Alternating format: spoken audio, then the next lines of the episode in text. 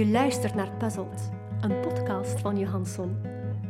Eén verhaal, vier personages. Je weet niet tot je alles weet. Deel 4, Dendrik.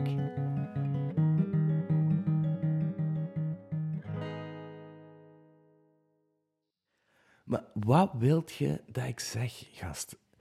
Al die bitches zijn hetzelfde, weet je?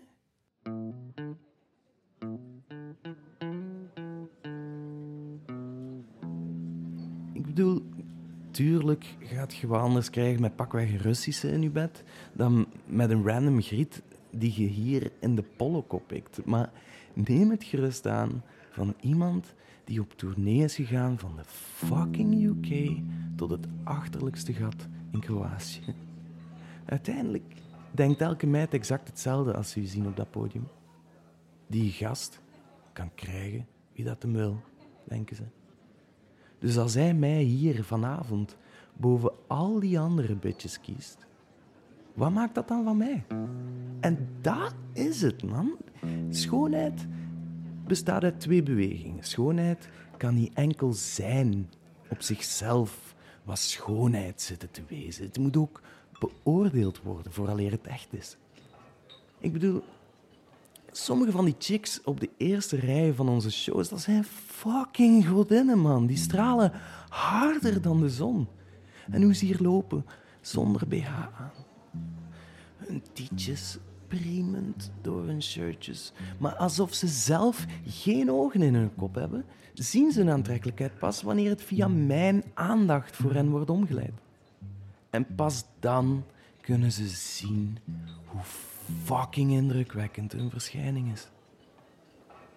Het probleem met die bevestiging is natuurlijk wel dat eens dat je ze gegeven hebt, ze er nooit meer over ophouden. Man, onwaarschijnlijk. Neem nu die chick waar ik gisternacht mee was. Kenzie, een, een chick van 21 die al twee jaar blijft rondhangen na onze optredens. Intussen zie ik ze zo uh, om de maand, misschien iets meer. Ja, zij staat erop om het een soort relatietje te noemen.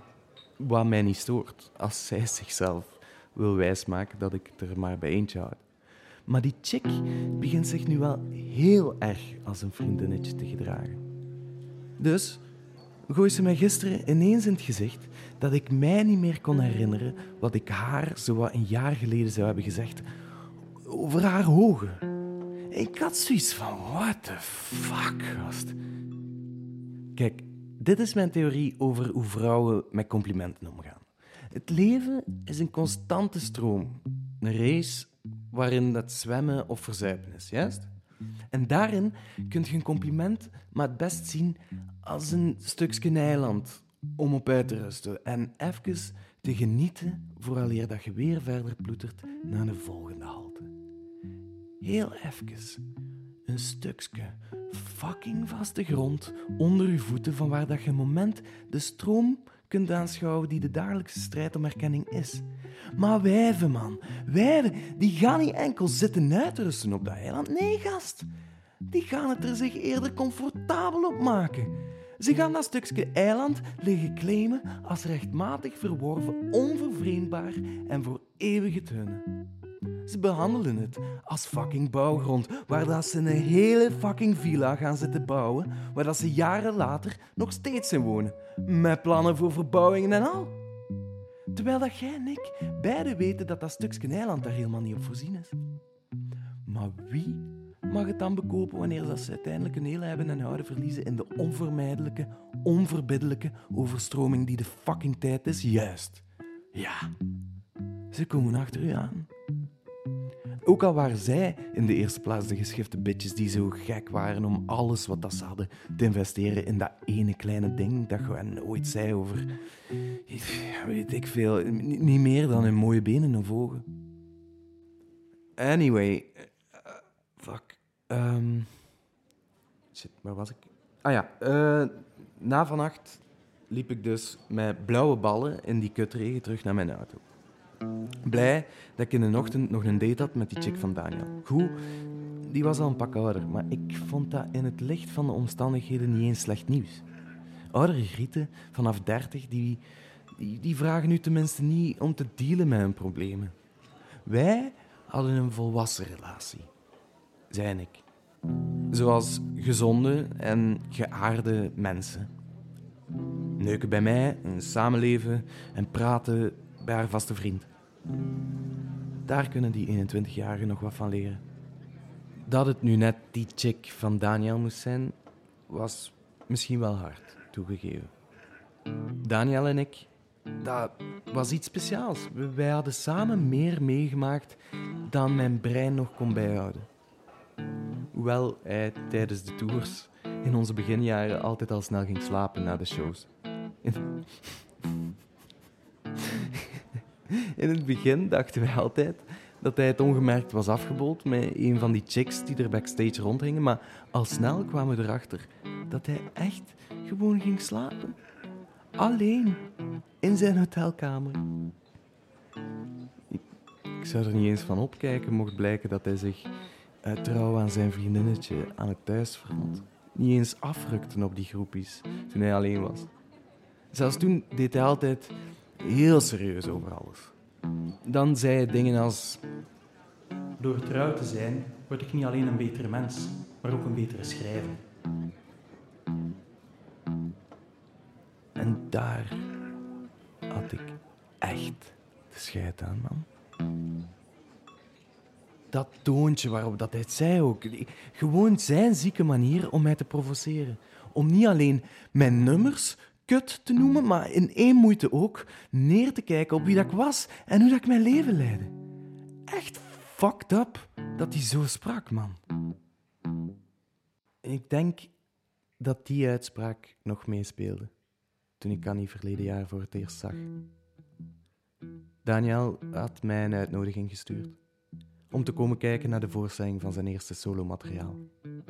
Ik dacht, whatever, waarom ook niet? Dom zet, blik achteraf. Had ik het maar nooit moeten aanhoren allemaal. Die nummers van hem. En hoe fucking goed dat ze waren. Pijnlijk goed. Van het eerste tot het laatste, song na song, akkoord na akkoord, woord na woord werd ik steeds moedelozer en kwader. Ik hoef dit niet te pikken, dacht ik. Dit ongelijk verdeeld talent dat het leven me pesterig voor de ogen hield. En net toen ik zo halverwege de set onmerkbaar wilde vertrekken, zag ik ze staan. Zijn hoedster, zijn muze. Het wonderwezen waardoor hij deze dingen was gaan schrijven. Ik weet nog niet of ik er eigenlijk ooit echt aantrekkelijk heb gevonden. De eerste keer hadden we gezegd dat het bij één keer zou blijven. En de tweede keer dat het bij twee keer zou blijven. De derde keer hebben we niets meer gezegd. En zoals ik al zei, ik ga niet met griet zitten afspreken om dan lekker te gaan bijpraten over haar vriend. Maar wanneer Annie het over Daniel had, dan luisterde ik natuurlijk wel. Zij vertelde over een moeilijke periode die hij had doorgemaakt, enkele jaren geleden, toen zij ze in een open bui had toegegeven dat ze er soms aan dacht hem te verlaten. En daarop was hij een hele tijd spoorloos geweest. En wanneer ze hem terug hadden gevonden, hadden ze met de familie beslist dat het beter zou zijn om hem even te laten opnemen. Goed, dacht ik eerst nog goed. Maar na een tijdje werd het gewoon een droevig verhaal zonder meer. Vorige keer zei ze me, onder het weer aankleden zelfs, dat Daniel naar mij opkeek. Naar de persoon die ik kon zijn op het podium. maar fuck dat. Dat had hij mij best wel eens kunnen zeggen in het jaar dat we samen op tour waren, niet? Best bitter dat ik zijn vriendin achter zijn rug om moet neuken om dat te weten te komen. Dat had je mezelf ook wel eens in mijn gezicht kunnen zeggen, gast. Had het allemaal zo ver niet moeten komen. Gewoon even uw knop omdraaien en zeggen dat ik ook nummers in mij had. Dat er meer in mij zat dan die kerel die gewoon wat vooraan de smoel en het lijf en de hele seks van de band staat te wezen. Dus, anyway, Ik ben Annie aan het neuken en we kijken elkaar recht in de ogen. Ik lig op haar in te beuken, mijn voorhoofd tegen het haren aangedrukt, onze blikken strak naar elkaar toe. En ineens verandert ze in Kenzie. Zomaar, onder mijn ogen verandert ze in Kenzie. Dus ik draai haar om zodat ze op haar buik ligt en ik haar langs achter kan nemen, zoals het graag heeft Kenzie bedoel ik, niet Annie. Maar terwijl ik daarmee bezig ben, kijkt ze weer om en zie ik dat ze nu veranderd is in Samantha? Waardoor ik haar van het bed moet nemen om haar rechts aan te pakken tegen het tafeltje met de spiegel waaraan ik me voorstel dat ze haar make-up doet, waarop ze plots weer verandert in Naomi. Waardoor ik haar weer op het bed plof enzovoort enzovoort. Er is helemaal geen Annie meer, man. Er is enkel een lichaam, een omhulsel, een vrouwelijke mal of zo om personages in te huizen. De ene na de andere en ik roep alle chicks in me op die ik over de jaren heen heb geneukt en plaats ze in dat beeld dat zich voor mij afspeelt. Wanneer ik me geen meiden meer kan voorstellen, begin ik weer van vooraf aan. Mackenzie en Samantha en Naomi enzovoort. Ze zijn er allemaal, één voor één. Alle meiden die ik de afgelopen jaren zo heb geneukt, terwijl Daniel zich zat af te trekken in zijn hotelkamer. En ik zit ze allemaal te neuken in die fucking slaapkamer van Daniel. Al die chicks komen samen in zijn Annie, zijn onvoldane muze, die diep van binnen even leeg is als al die chicks waar hij op neerkeek. Annie bestaat uit al die meiden en Annie zelf is nu helemaal verdwenen. Totdat. Totdat. De eerste pijn die ik voel komt door Annie, die plots mijn trommelvlies aan flarden schreeuwt. Daarna denk ik dan weer dat ik een foute beweging heb gemaakt. Ik, ik zweer het u, het duurt een eeuwigheid tot ik doorheb dat ik word aangevallen. Laat staan dat ik snap dat er wat in mijn rug steekt. Ah, Annie roept Daniels naam uit opnieuw en opnieuw en opnieuw. En uiteindelijk probeer ik te kijken naar mijn rug, naar iets wat ik zelf niet kan zien en waarvan ik de ernst enkel kan afleiden via de gruwel die het op Annie's gezicht teweeg brengt. En dan pas, dan pas word ik mij gewaar van het bloed. En bij het zien daarvan dringt ook de echte steek door. Ook pijn heeft soms behoefte aan twee bewegingen. De mijne wordt pas realiteit door het beeld van witte lakens gedrenkt in bloed. Ik grijp naar mijn achterkant en voel iets dat ik niet anders kan omschrijven dan een metalen stang, een, een fucking machete, machette, of hoe noemt zoiets?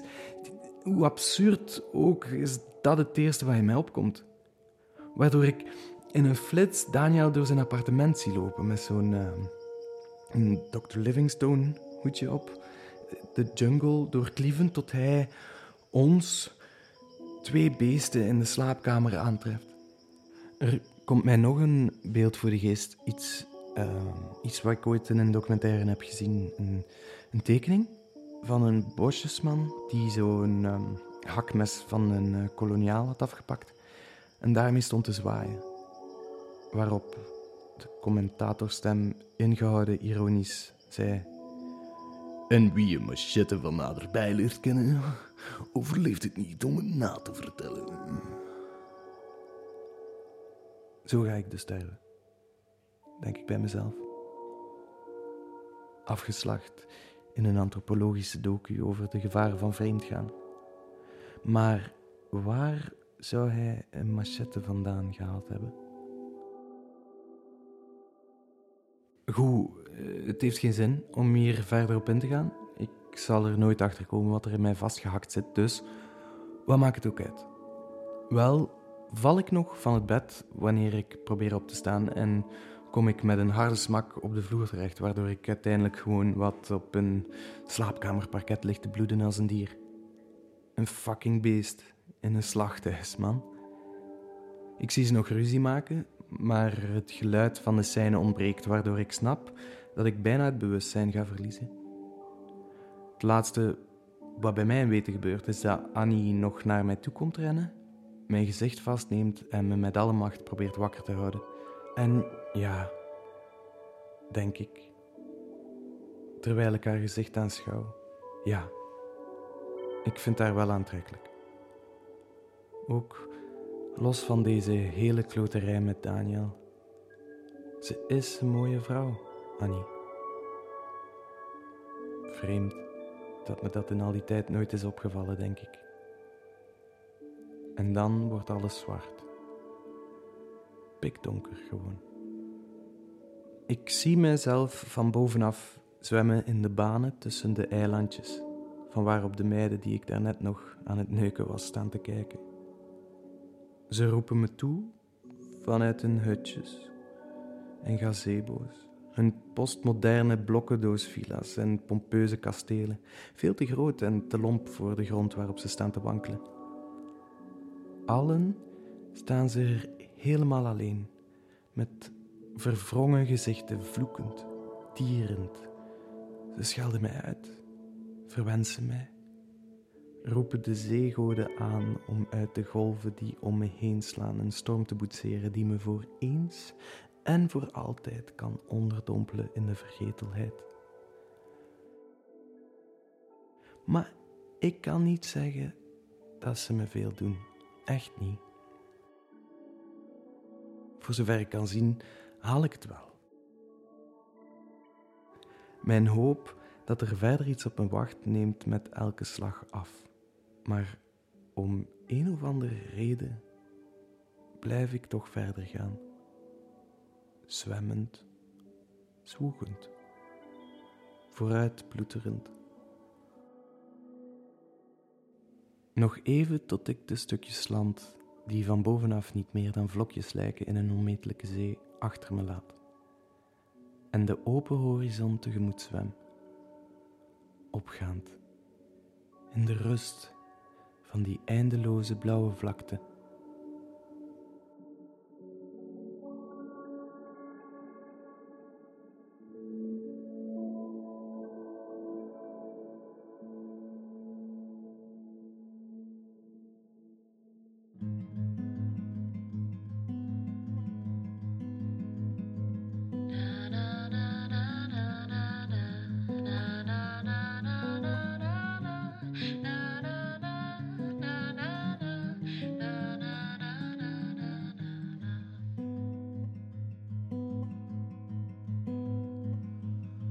Valt bij pakken neer. Op de taken van de huizen in de straten. Op de pleinen, op de torens van de kerken van de stad. Ik kijk vanuit mijn zolderraam. Hoe je verbeten van me wegfietst, eenzaam in die zondvloed hartverscheurend nat. Spijt is van geen tel, mijn lief. Ik hield van jou en jij van mij. Maar de liefde werd voor allebei een strijd. Een opbod van meer en meer en meer en meer en meer. Tot het leeg werd tot het nergens meer op sloeg. Een carousel van nooit genoeg.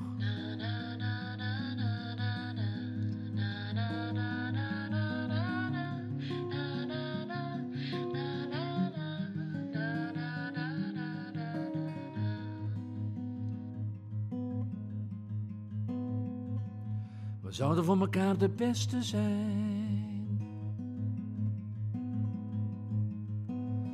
En de mooiste en de liefste. Mekaar dragen naar het einde van de tijd, zo zou het zijn. Maar spijt is van geen tel, mijn lief. Ik hou van jou en jij van mij. Maar de liefde werd voor allebei een strijd. Een opbod van meer en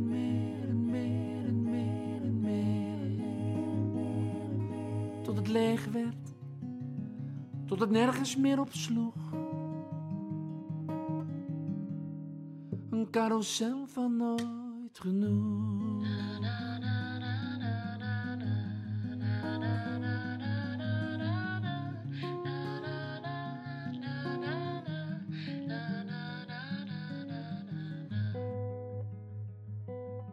Je luisterde naar Puzzled, een vierdelige fictiepodcast van Johansson. De opname, audiomix en soundscape lagen in handen van Ronde Rauw. Alles werd volledig coronaproof opgenomen in de Donkey Stable Studio. De tekst was van Johansson, die ook de rol van Daniel insprak. In deze reeks hoor je ook Eva Binon als Annie, Rick Verheijen als Geoffrey en Boris van Severen als Dendrik. De titelsong Carousel van Nooit Genoeg is van Comilfo. Caroline Segers deed de tekstredactie en Eileen Morfo verzorgde de visual. Deze podcast werd geproduceerd door Griet Kindero en kwam tot stand met steun van de Vlaamse overheid. Speciale dank aan Ilse La Monaca, Anton Maartens, Nonna de Keizer en Caroline Meerschaert. Puzzled de podcast kan je volgen op Instagram, we heten daar Puzzled Story, of op puzzledstory.com. Bedankt voor het luisteren.